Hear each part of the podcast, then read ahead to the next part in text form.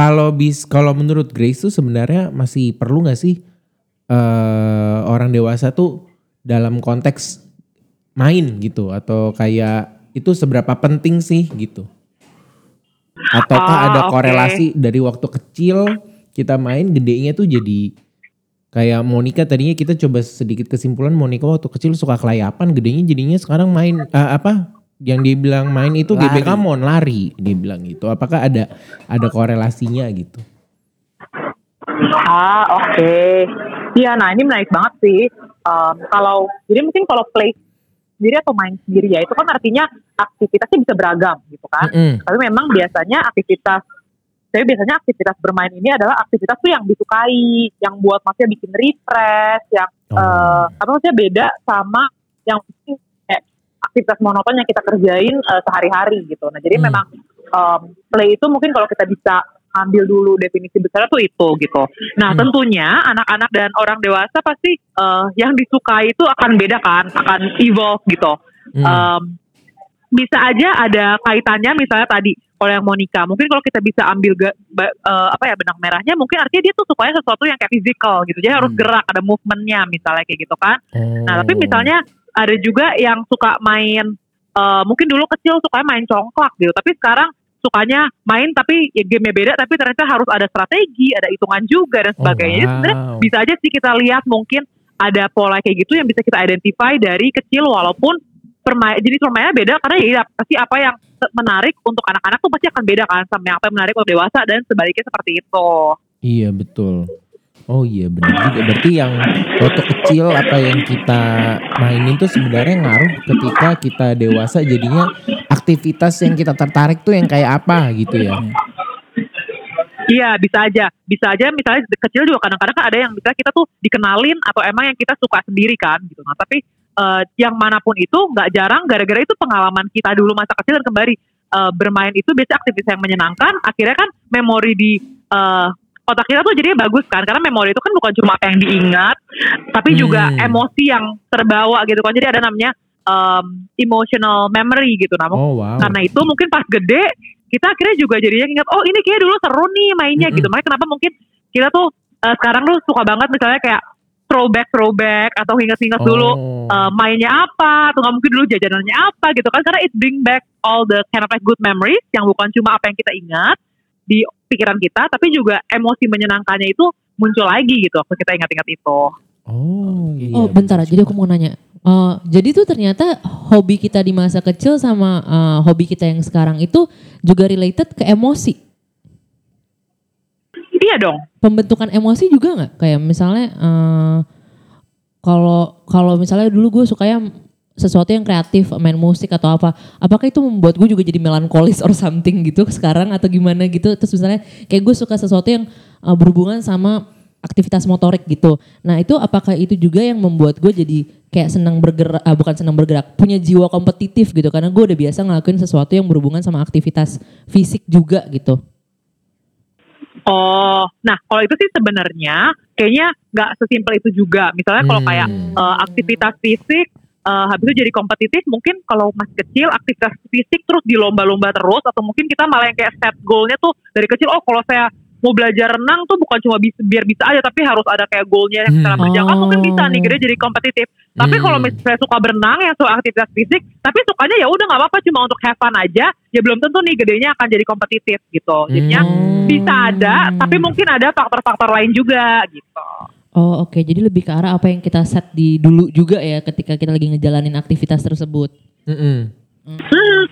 Oh, oke. Sekarang kalau menurut Grace sendiri nih, kalau kita nih udah udah gede gitu, seberapa penting Iya. sih untuk tetap eh, punya konsep main di dalam kehidupan sehari-hari kita gitu? Itu penting gak sih sebenarnya? Karena kan sekarang, apalagi sekarang culture-nya hustle work gitu. Jadi kadang-kadang orang punya punya apa ya? Punya kalau kok dulu gue inget banget selalu kayak kok lu main mulu sih kapan lu kerja gitu Nah, Kayak saya- sekarang konsep main tuh jadi Jadi kayak- buruk gitu loh. Iya kayak nah itu menurut Grace tuh penting juga gak sih sebenarnya main?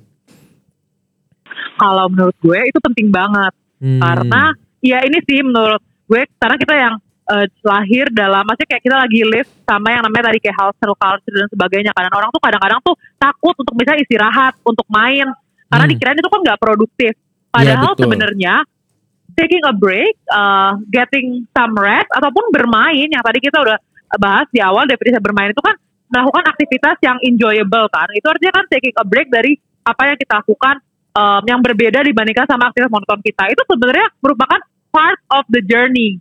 Jadinya bukannya kalau kita main atau kita take a break sebentar itu artinya kita malah jadi terlambat tapi sebenarnya itu bagian dari perjalanan atau perjuangan kita gitu. Karena biasanya mungkin kita juga bisa eh, reflect back ke diri kita sendiri juga. Setelah main tuh pasti biasanya kayak lebih seger terus Hmm. kalau mungkin kita harus mikir-mikir tentang cari tentang ide-ide yang baru malahan bisa lebih gampang daripada kalau misalnya kita kerja terus nggak berhenti berhenti kadang-kadang kan pasti ada kayak gap dan mumet kan makanya Iya. kenapa taking a Iya. break bermain dulu sebentar itu penting karena itu part of the journey bukannya menghambat kita tapi malah mungkin istilahnya kayak kita seakan-akan kayak mundur satu langkah tapi waktu nanti kita loncat lagi atau maju lagi itu mau udah dua tiga langkah ke depan Oh, ya Iya, nah. betul sih, betul Nah, sih tapi berasa sih. pertanyaan eh, saya kadang-kadang Hmm. kalau kita tuh kan ada eh, main gitu ya atau mungkin hobi lah ya kita kita bisa ngomong hobi gitu kita ngelakuin hobi kita sampai batasan mana sih sebenarnya yang healthy gitu atau malah kita kadang-kadang saking senengnya gitu ya sama main itu malah jadi obsesi dan eh, jadi malah eh, bukannya something yang enjoyable lagi tapi malah eh, yang tadi mungkin balik jadi terlalu kompetitif malah bikin stres dan bikin bikin eh, pusing sendiri gitu. Atau jadi addiction gitu. Iya, atau jadi addiction gitu. Nah, emang, eh, nah ini juga penting banget nih dan menurut gue ini adalah satu kelebihan yang mesti kita sebagai adult tuh punya dibandingkan sama anak-anak itu tadi self control. Jadi Oh. sama aja seperti kita harus membatasi diri kapan harus berhenti atau istirahat kerja. Saat refreshing juga sama karena kadang-kadang nanti malah yang kayak kok jadi malah refreshing terus malah kerjanya jadinya terbengkalai atau apa gitu kan. I think Kayaknya jadinya sering gitu deh.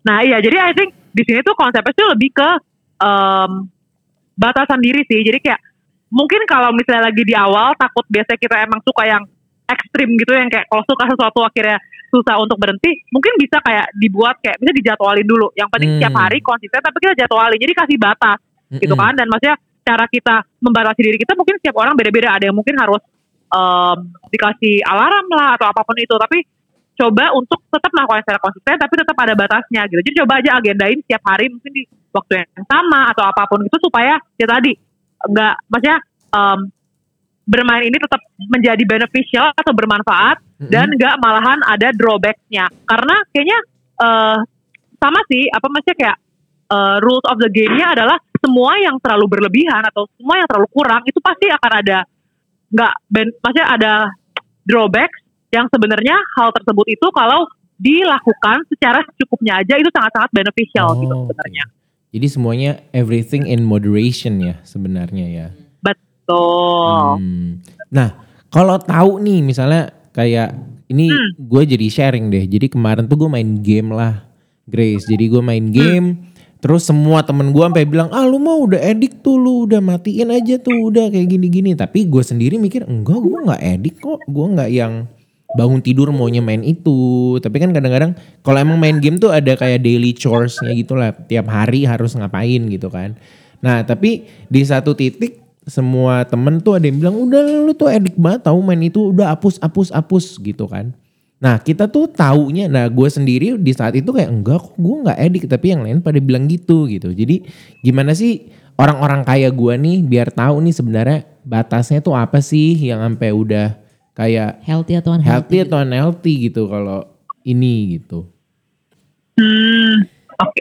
Nah, em, mungkin satu yang maksudnya yang bisa kita banding, yang bisa kita jadi tolak ukur adalah apakah itu berdampak ke eh, aktivitas sehari-hari kita. Hmm, Misalnya, Apa hmm, itu jadi bikin kita kayak ah, jadi kayak mau buru-buru mandi karena mau ngerjain itu, atau malah Hmm. kerjanya jadi nggak konsen karena mau ngerjain itu. Nah, kadang-kadang tapi kan kita suka bebel ya, kayak maksudnya kita udah Hmm. ngerasain something tapi kita yang kayak ah, enggak lah ini biasa aja biasa aja gitu kan. nah, makanya I think kok kayak isi pikiran gue. Terus terus. Nah, makanya I think di saat seperti itu mungkin yang kita harus belajar juga kita harus belajar lebih menerima atau setidaknya nggak langsung cut nih waktu orang ngomongin apa yang kita nggak mau denger gitu. Mm-mm. Mungkin kita belum addicted, tapi kalau misalnya bukan cuma satu orang yang ngasih tahu kita atau kasih kita reminder itu, mungkin kita boleh kayak consider itu atau mungkin kita bisa Hmm. cek lagi ke diri kita bener nggak sih sebenarnya itu. Jadi sebenarnya bisa kita cek sendiri, tapi ya kadang-kadang namanya manusia biasa, eh, jadinya kalau emang ada bantuan dari lingkungan, ada yang coba ingetin, kita maksudnya jangan all together langsung ah enggak lah mungkin dia lebay atau apa gitu, tapi mungkin coba kita oh mungkin ada benernya nggak ya gitu. Coba Iya. kita ambil itu untuk refleksi di diri sendiri, gitu Iya. sih yang harus dilakukan. Gitu George, jadi kalau lu sampai bawa game lu ke shower sambil nungguin loading pas lo mandi, nah Atau lu enggak- udah nggak boleh main itu lagi. Atau enggak lu sampai spending berpuluh-puluh juta Nah, ya. iya, itu betul dia tuh. Gitu, enggak boleh. Berapa puluh juta yang udah lu spend buat game lu? ya gitu Bukan itu. Eugene, bukan bukan Eugene. Eugene, Bukan Eugene, bukan ya. Eugene, Sorry, oke, tadi oke. itu bukan. ya. Oke. Tapi Grace eh, penasaran juga kalau tadi Grace sendiri juga bilang kalau ya kita setiap individu pasti kan butuh ini ya taking a break, step Refreshing. back, refreshing, enjoyable gitu. Tapi eh, kalau dari hobi sendiri gitu ya eh, main ini itu eh, bisa membantu teman-teman yang mungkin lagi suffering depression, anxiety gitu-gitu nggak sih? Kalau kalau kalau bisa tuh kira-kira hobi-hobi seperti apa yang bisa ngebantu? Hmm, nah kalau misalnya memang sudah, maksudnya teman-teman udah sampai punya kayak diagnosa gangguan klinis, em, kalau dari saran dari gue sih lebih baik, walaupun ingin melakukan aktivitas ini, tapi harus under supervision dari psikolog misalnya atau tenaga Hmm. profesional gitu, karena em, kan bias sekarang lagi zaman ya kayak healing healing gitu kan, tapi Iya, sebenarnya kalau betul. udah ada diagnosa healing itu nggak semudah itu gitu. Bener. Jadinya lebih baik lebih baik maksudnya walaupun emang kalau misalnya hobi-hobi ini mau di-incorporate Mm-mm. dalam em, upaya untuk mengatasi eh, gangguan yang sedang dialami itu tapi eh, lebih gue saranin untuk under supervision dari tenaga kesehatan sih. Nah, itu untuk yang emang teman-teman yang misalnya udah mendapatkan gangguan depresi atau misalnya kecemasan gitu. Nah, tapi kalau untuk kita kan maksudnya setiap hari pasti juga ada ya stresor-stresor yang muncul ya kan. Ya. tekanan-tekanan gitu. Nah, kalau di saat-saat seperti itu kembali, I think menjadi peka terhadap diri kita sendiri itu juga penting gitu dan nggak selalu kadang-kadang tuh orang yang bilang kayak oh healingnya tuh harus ke Bali tiga hari atau misalnya mainnya harus berjam-jam mungkin aja kita kayak berhenti main sebentar atau apa pun itu selama mungkin 15-20 menit itu udah walaupun mungkin Udah cukup. nggak langsung membuat stresnya hilang 100% ya tapi setidaknya mungkin itu akan membuat kita udah untuk lebih siap lagi untuk misalnya em, do our best sampai akhir harinya gitu yang kayak gitu sih Hmm. jadinya kayaknya tergantung sama tadi dua situasi itu Oke, oke. Wah. Berarti ya kita juga harus berarti kalau boleh ambil kesimpulan tadi ya sebenarnya tetap kita sendiri punya self control karena apa aja harus in moderation kan ya. Sama kita juga peka harus ya. sadar diri juga sama kayak stresor-stresornya di sekeliling Ya. kita apa terus Tapi gue penasaran deh, Hmm. eh, kenapa sih kayak ke- ngelakuin kayak kegiatan yang kita suka gitu, yang produktif atau yang positif kayak gini, itu bisa improving our psychological health gitu loh, kayak our, our mental health gitu. Kenapa sih bisa ngampe ngefek ke situ gitu? Ah, sebenarnya ada beberapa uh, alasan sih. Yang pertama mungkin karena kebanyakan mungkin stresornya atau yang menyebabkan kita jadi uh, lebih cemas atau lebih panik itu adalah situasi yang sedang kita hadapi. Jadinya kalau Hmm. kita take a break dari situ, itu kan artinya kayak istilahnya kita get away sebentar gitu kan. Hmm. Nah itu uh, akhirnya membantu kayak agak memoderasi dari misalnya stresor atau tegangan yang kita alami. Terus kedua, apalagi kalau tadi yang uh, bermainnya itu berdasarkan dari kecil emang supaya main kayak gitu. Kembali em, pengalaman itu kan bukan cuma apa yang diingat nih di kepala, tapi juga ada namanya memori emosi kan. Jadi memori emosi kalau senang itu ya akhirnya nanti hormon-hormon senangnya misalnya saat melakukan aktivitas itu akan akan diproduksi itu lebih banyak. Makanya kenapa itu at least secara temporer itu bisa membantu kita. Nah, tapi makanya agak berbeda nih kalau memang untuk teman-teman yang misalnya sudah punya diagnosa gitu kan. Karena itu Iya, udah gangguan yang betul. agak berbeda. Jadi makanya kenapa harus under supervision um, tenaga kesehatan supaya lebih aman aja sih, lebih jaga-jaga aja. Um, ya jadi biar ada yang tetap memonitoring gitu. Walaupun Hmm. emang bisa juga tetap untuk ngelakuin aktivitas-aktivitas ini. Tapi kalau misalnya udah didiagnosa gitu, eh, misalnya ada depression, anxiety atau hal-hal yang Hmm. mungkin lebih parah gitu, dan under supervision, apakah eh, kayak teman-teman kita yang kayak gitu tuh mesti dikasih obat-obatan juga atau gimana gitu sih?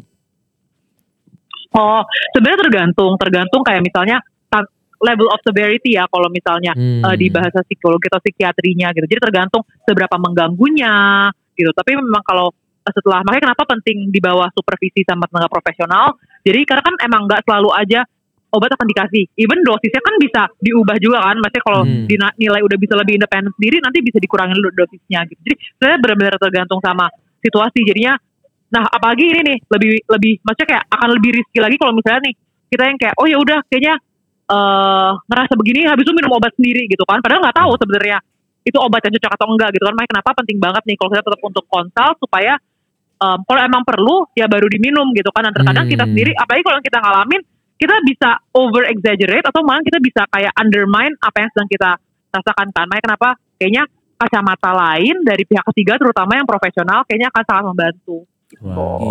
Itu ya Keren. mungkin pesan-pesan buat PKmoners ya gitu ya. Jangan semua mendadak cuma dapat nonton di TikTok konten tik- baca konten di TikTok, baca konten di Instagram tuh udah langsung paling ngerti soal eh, mental health gitu ya. Nah, di- jadi untuk mungkin bisa dorong atau ajak teman-teman yang itu tuh untuk ke profesionalnya aja langsung gitu.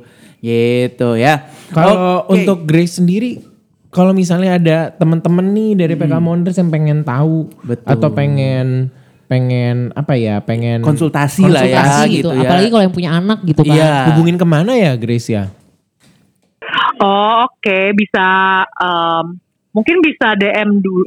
Jadi kayak karena ada praktek di beberapa tempat mungkin bisa Mm-mm. DM dulu aja Mm-mm, ke my Instagram account. mm-mm. Em, nanti baru mungkin ku refer ke admin teman-teman admin untuk ngebantu kalau emang perlu di schedulein atau apa. Oke. Oh oke, Instagram accountnya apa kalau boleh tahu nih? Oh oke Em, Instagram accountnya at @gesamivi. Oke, at G E Sami.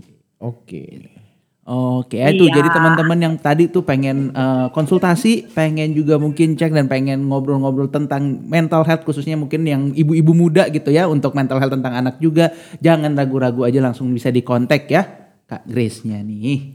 Ya Grace sebelumnya kita makasih banget. Ini udah tadi kita udah bisa diganggu sama kita ya. Sorry banget nih kalau sangat mengganggu ya sampai habis ini harus main gitu ya. Harus refreshing Iya. sebentar. Tapi jangan lupa aku pesan PK Manus boleh juga ya, terutama yang ibu orang tua muda ya, jangan lupa download apps-nya tadi tuh. Iya, jangan lupa Ah, download apps-nya tadi buat tentang anak ya, kalau Tentang anak. namanya Grace ya. Iya. Oke. Iya betul. Oke Grace, thank you banget atas waktunya ya. Makasih juga. Thank you for having me. Ya, thank Iya, you. Nice thank meet you. Thank you. Bye-bye. Bye. Ya tadi thank you banget buat Grace ya kita udah boleh ngobrol sama dia ganggu waktunya kalau denger-denger sih tadi kayaknya dia lagi hangout tuh dia lagi Lagi hujan tadi jangan dia lagi healing juga Oh, lagi terus healing. kita malah Lagi ganggu party, gitu. dia lagi party. Kira-kira Grace ini masih gitu. single apa? Wow, wow, wow, wow. Lu kalau tahu tanya dia dong. Oh, iya, iya, tadi sih dia bilangnya sih pengen aplikasinya tentang, Tentang anak, anak. ya. Nah, kalau kayak gitu mungkin eh, George tadi agak salah membuka. ya kita thank you banget buat Grace tadi yang udah boleh kita ganggu. Eh, semoga buat temen-temen itu sangat membantu ya, apalagi buat kita juga itu sangat membantu. Kalau dari Anthony itu benar juga karena tadi dia ngasih kacamata soal dia lagi di season self improvement dan kita di sini kayaknya semua bisa bilang kita setuju lah kalau main atau playing games itu sesuatu yang bikin kita juga improve gitu dalam segi bahkan dari Monica tadi kalau gue dengar cerita Monica sih menurut gue itu bagus banget ya. Betul, gimana di awal dia ngerasa kayak main tuh sesuatu mungkin kita minjem istilah sekarang lah toxic justru. Dia pikir dulu tuh yang dia suka apa segala macam itu tuh jadi toxic gitu. Dia suka nge-gym dia suka ini. Tapi akhirnya dia grow out of it dia keluar dari situ ternyata dia bisa tetap sekarang kita tetap sekarang ada komunitas dia ngopi jadinya lebih Happy. lebih apa lebih happy dia nggak langsung yang lihat kopi yang biasa kecuali kopi merek lain mungkin merek tertentu dia nggak langsung pasang muka asem gitu ya tapi Enggak, enggak, enggak. Lebih ke arah kalau misalnya kayak kopi, terakhir kali gue sempat kompetisi kan. Terakhir tuh 2020 ya George. No, 2000. 19. 20, 2020 ya, Eh, sebelum 19 nggak Covid. Sebelum Covid. Sebelum Covid, 2020. Nah, Oke. Itu tuh perbedaannya jauh banget karena dulu tiga, dua kompetisi pertama itu gue bisa yang toxic banget, terus gue bisa yang nangis-nangis. Karena gue se seambisius itu untuk menang dan gue nggak tahu tujuannya mau apa. Pokoknya gue mau menang. Itu karena gue being so prideful. Hmm. Nah tapi pas my last competitions tuh gue banyak ketawanya, terus gue lebih happy. Eh, George juga nonton tuh katanya di dua kompetisi pertama, gue tuh kayak pretending banget tuh be to be perfect gitu loh di stage. Kayak Monica tuh gitu deh gitu kan. Ini siapa sih ini kayak bukan Monica deh. nah terus pas yang di dan bahkan di eh, tim gue yang yang tim gue tuh selalu sama kan yang di kompetisi terakhir gue contohnya yang kayak kopi setelah gue udah melepaskan semua itu eh gue tuh lebih fun heeh. Eh, gue tuh lebih seneng lebih kayak nikmatin dan gue tuh lebih pur- purposeful untuk ikutin si kompetisi itu untuk ngikutin si hobi gue ini karena eh, gue bukan cuman pengen menang buat ambisi pribadi tapi ternyata gue menang tuh untuk ada kebutuhan yang lain yang Iya. ternyata buat ngebantuin banyak orang ke depannya gitu. Jadi lebih enjoy ngelakuinnya. Iya. Dan di panggung juga gue nggak nggak kayak orang lain, nggak kayak pretend to be someone else gitu. Itu menurut gua keren sih Mon. Akhirnya lu pernah bisa ngelewatin journey-nya pernah kayak gitu. Dari yang tadinya kita main terus jadinya justru mainnya jadi toxic. Terus lu udah keluar dari itu. Dan sekarang lu tadi bilang lu sebut kata enjoy. Lu udah lebih enjoy sekarang. Itu tuh menurut gua untuk sampai di situ mungkin gak semua orang punya privilege itu Mon. Ya gak Betul, sih? Jadi betul. menurut gua ya itu gua acungkan jempol buat Ibu Monica Jempol yang sudah kaki. pernah sudah pernah Coba ini. tepuk-tepuk. Ah. Keren keren keren keren. Jadi sebenarnya sih kalau boleh gue lihat sih dari semua pembicaraan kita tadi menurut gue yang tadi Monica bilang sih menurut gue cucuk cucuk eh, cucuk meong. Bahasa tua banget. coy Rancak bener. Nah, lancak bana ya. Tadi gue cucunya gitu biar kita bareng Oh ngomongnya iya, ya. iya, iya, sorry, sorry. Kurang Maklum, latihan, kurang ini hostnya latihan. masih host magang Ya, saudara-saudara. host magang, host magang. Ini abis ini kita masih harus ngelap-ngelap. Ini mic-nya kayak basah bener ya dari tadi ya. Ngomongnya salah terus. Ya itu menurut gua, eh, menurut kita semua bersama tadi bahwa main itu perlu. Main itu perlu tapi ada in moderation ya karena emang semuanya bakal jadi eh, berlebihan juga. Sampai kayak yang tadi Monica sharing bahwa ada satu saat dia pernah sampai main itu jadi toxic. Dan Betul. mungkin kalian juga PK Moners ada yang ada yang pernah ngalamin itulah. Kan kita sering denger di luar sana ada yang main sampai lupa waktu main sampai lupa kerjaan dan segala macem atau yang lainnya Atau dan yang jadi terlalu kompetitif sampai Betul. udah nggak ngerasain fun dan enjoy-nya lagi. Betul, yang enjoy datang malah lagi. Depresi, stres, anxiety gitu ya. Mm, Mungkin main yang di sini kita yang kita bahas dari tadi itu sebenarnya sesuatu yang mungkin minjem dari kata Grace tadi ada emotional memory.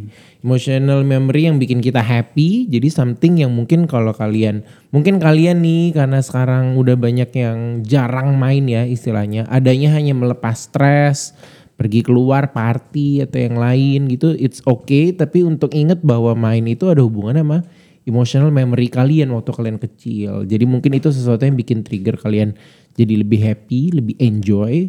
Ya mungkin main yang kayak begitulah yang perlu kalian eh, tingkatkan. Betul ya. Jadi jangan malu ya. Itu terutama yang udah pada bekerja Iya, mungkin yang udah umur-umur yang udah 20 30. Kok lu masih main sih, Iya, George? kalau masih main aja sih, kalau masih main Genshin Impact aja Ih, sih kalau- gitu. Kalau nyebut, kalau nyebut, Oh, oh iya gak boleh sebut. Oke, George, Ya udah, main- oke. game gua deh. Lu masih main Warzone aja kalau sih? masih main gitu. Warzone aja sih. Gitu. Kalau emang itu hal yang bisa bikin kita step back, refresh, terus jadi malah kita punya energi yang baru lagi untuk ngadepin challenge kita, untuk bisa bikin kita grow lebih lanjut lagi. Kenapa enggak? Ya kan? Ya kan? Gitu kayak Anthony dengan larinya dan uh, candle makingnya Monica dengan kopi dan juga larinya gitu ya dengan kelayapannya itu kayak gitu yang penting jangan overdose ya gitu dan eh, ya nggak perlu ngerasa malu nggak perlu ngerasa bersalah Setuju nggak? Setuju nggak? Setuju, Monica setuju, dan setuju ya Setuju setuju gitu Monica dan- dan tapi tetap tetap jangan kita tenggelam di permainan itu juga karena kita sebagai manusia tetap kita kan juga punya purpose and cause-nya ya. Kenapa kita harus eh, hidup kita itu memiliki tujuan. Jangan sampai main ini kita sibuk main aja lupa sama purpose greater purpose kita di dunia ini. Ya nggak kayak Betul Eugene ya. Betul betul. Kita nggak boleh lupa itu. Dan bener juga yang tadi kalau main itu a step back tapi ternyata setelah main dan refreshing kita bisa lompat 10 step. Nah, itu luar biasa sekali. Luar biasa gitu. Jadi kalau lempar batu langsung lompat lompat lompat. Iya, kalau Skip lempar and ke hope. kali gitu ya. Kalau lempar ke kali itu tot tot tot tot, tot, gitu terbang. Bisa gitu nggak? Bisa nggak? Tapi bisa nggak kayak gitu? Nggak bisa sih. Nggak bisa, gua. gua juga Kayak gitu. bisa. Batunya kan harus agak kayak tipis-tipis gitu ya. Kalau gue jalan di air kayak Naruto. Mm-mm, jalan di air. Kalau gue loncat di air. Oke ya, ini semakin ke mana-mana. Udah, ya. penutupan, penutupan. Lu mau ngomong apa nih? ah, Oke, kalau penutupan tadi bukannya George udah Oh, itu penutupan ya? Itu tadi kita yang kita bahas itu adalah penutupan, konklusi itu dari semuanya. Bukannya tadi udah kayak mengerucut gitu, suara kita udah makin kecil, udah itu enggak. ya? Belum, belum. Ini tipe penutupannya yang gimana mau nih tiba-tiba suara yang menghilang terus kita itu mundur. lo harus ada pantun dulu. Oh, pantun. ampun. Oh iya, tapi tapi tem- eh, mau diingetin lagi pokoknya intinya kalau teman-teman yang juga terutama yang eh, emang sudah ada didiagnosa secara klinis ya atau mungkin mungkin ada ada tanda-tandanya langsung aja ke psikolog aja ke profesional paling penting jangan self diagnose nanti bisa salah jangan main langsung disuruh main disuruh healing malah ternyata itu ketemu bocah toksik atau ketemu apa malah makin Betul, berantakan betul, betul. Eh, bisa tadi ke Grace ya Atau langsung ke psikolog-psikolog lain yang Psikolog-psikolog pernah lainnya juga bantuin boleh. Pekamon gitu. Gitu ya dan eh, ya itu saya sudah buying time untuk anda siapin pantun loh. Saya enggak, saya, saya, Oh, saya Lo kira mau Google. dong. Oh say thanks. Oh say iya. thanks buat Anthony, Oh, buat iya. tadi Oh saya kira itu apa, dalam pantun say Grace, thanks gitu. ya gitu ya. Nah Gila-gila dari tadi kita jadi eh, host, hari ini baru kali ini setelah penutupan baru Monica benerin kita. Iya. Berarti kita lumayan sukses dong George. eh, bisa Iya dibilang seperti sih? itulah ya. Kita lumayan Gitu. sukses dong. Fist, fist bump. Makanya. Fist bump. Fist bump. Iya. Pokoknya intinya sih kalau video eh, yang episode kali ini angkanya jauh lebih banyak pendengarnya sih ya kita Ya, Bikin ya, lah, kita bikin boleh lah, eh, boleh. Gigi, Gigi Enam podcast. kosong delapan kosong satu empat. Jadi Lu kalau yang, gue. yang ternyata lebih senang dengar suara kita coba langsung komen aja di Spotify ya. Gak bisa di Spotify di komen. Oh, Di bisa. Di Instagram. Emang Spotify gak bisa di komen? Nggak bisa. Bisa di screenshot ya? Bisa. Terus lu komen deh tuh di screenshotnya. Oh mungkin yang hanya Di eksklusif ya, rating. yang Iya, kan eksklusif gue bukan ya. eksklusif. Kagak ada men, Spotify kagak ya? pernah bisa di komen. Oh oke oke oke mungkin saya Say salah thanks sama dulu yang jangan kuning. lupa tetap. Apa? Say thanks dulu. Iya dan terima kasih banyak untuk eh, kita hari ini mau ucapkan banyak terima kasih terutama untuk Grace ya dari psikolog kita yang sudah meluangkan waktu dan sharing-sharing eh, banyak ilmu tentang eh, tadi tentang main-main ini ya dan juga eh, saya mau say thanks untuk guest star kita hari ini Nick Choge. Nick Choge atau Anthony. gitu ya. Sama-sama. Saya mau thanks untuk Alkisah atas eh, makan siang yang luar Yes, biasa. yes, yes, yes. Jadi teman-teman kalau yang bekerja di daerah pusat di daerah Kuningan Setiabudi karet ya. Karet, eh, Karet, Setia Budi Karet ya. ini di Jalan Guru Mukni nomor 55 Nah, itu. Restoran Alkisah. Kisah, ya, itu Sekali lagi biasa. Alkisah. Ya dan juga N Partners Co yang telah menyediakan ruang yang luar biasa untuk kita take Oh podcast iya sore betul. ini. betul. As always. As always. ya. Dan juga untuk GBK dibuka. yang telah membuka untuk para Monica bisa lari ya. Para Monica, Para banyak Monica. sekali Oh Monikanya. iya. Para GBK para. GBK Mon, sorry. Bisa lari. Oh, kita nggak perlu setting sampai situ ya. Nggak perlu, nggak perlu. Nggak perlu. Dan thanks juga untuk Kak Eugene. Udah Thanks juga untuk George yang hari ini Iya. kita bisa senang sekali bisa hosting bareng juga dengan Monica yang memberikan kesempatan ini kepada kita entah apa yang ada di pikiran walaupun saya cukup yakin kita nggak akan di calling lagi. betul betul ya tapi we'll see lah after this mungkin kita ada calling callingan yang dari yang lain mungkin dari eh, apa bersih sehat mau telepon kita gitu kan oh ya, dan saya kita mau ucapin juga untuk PK dan suaminya ya. Aku lupa loh Angga, nama Angga, suami Angga. Angga. Angga, Angga. Dan Uzi ya. Hap- happy happy, Happy honeymoon, honeymoon ya, ya, happy honeymoon. gitu. Juga untuk produser, sutradara yang siapa namanya sutradaranya? Brownie setengah mateng. Udah nggak Oh, usah disebut lah dia nggak nggak Nggak nggak gitu ya. penting ya dia. Iya nggak gitu penting ya. Oke kalau gitu langsung aja ke Eugene mungkin bisa ditutup dengan pantun yang luar biasa. Ya ampun gak ada pantun dari tadi diajak ngobrol gimana bikin pantun? Tuh kan lu gimana bikin pantun? Oh gitu. Jadi nggak ada jalan-jalan ke Pulau Bali. Lanjut. Niat cakep. hati untuk healing. Cakep. Terus?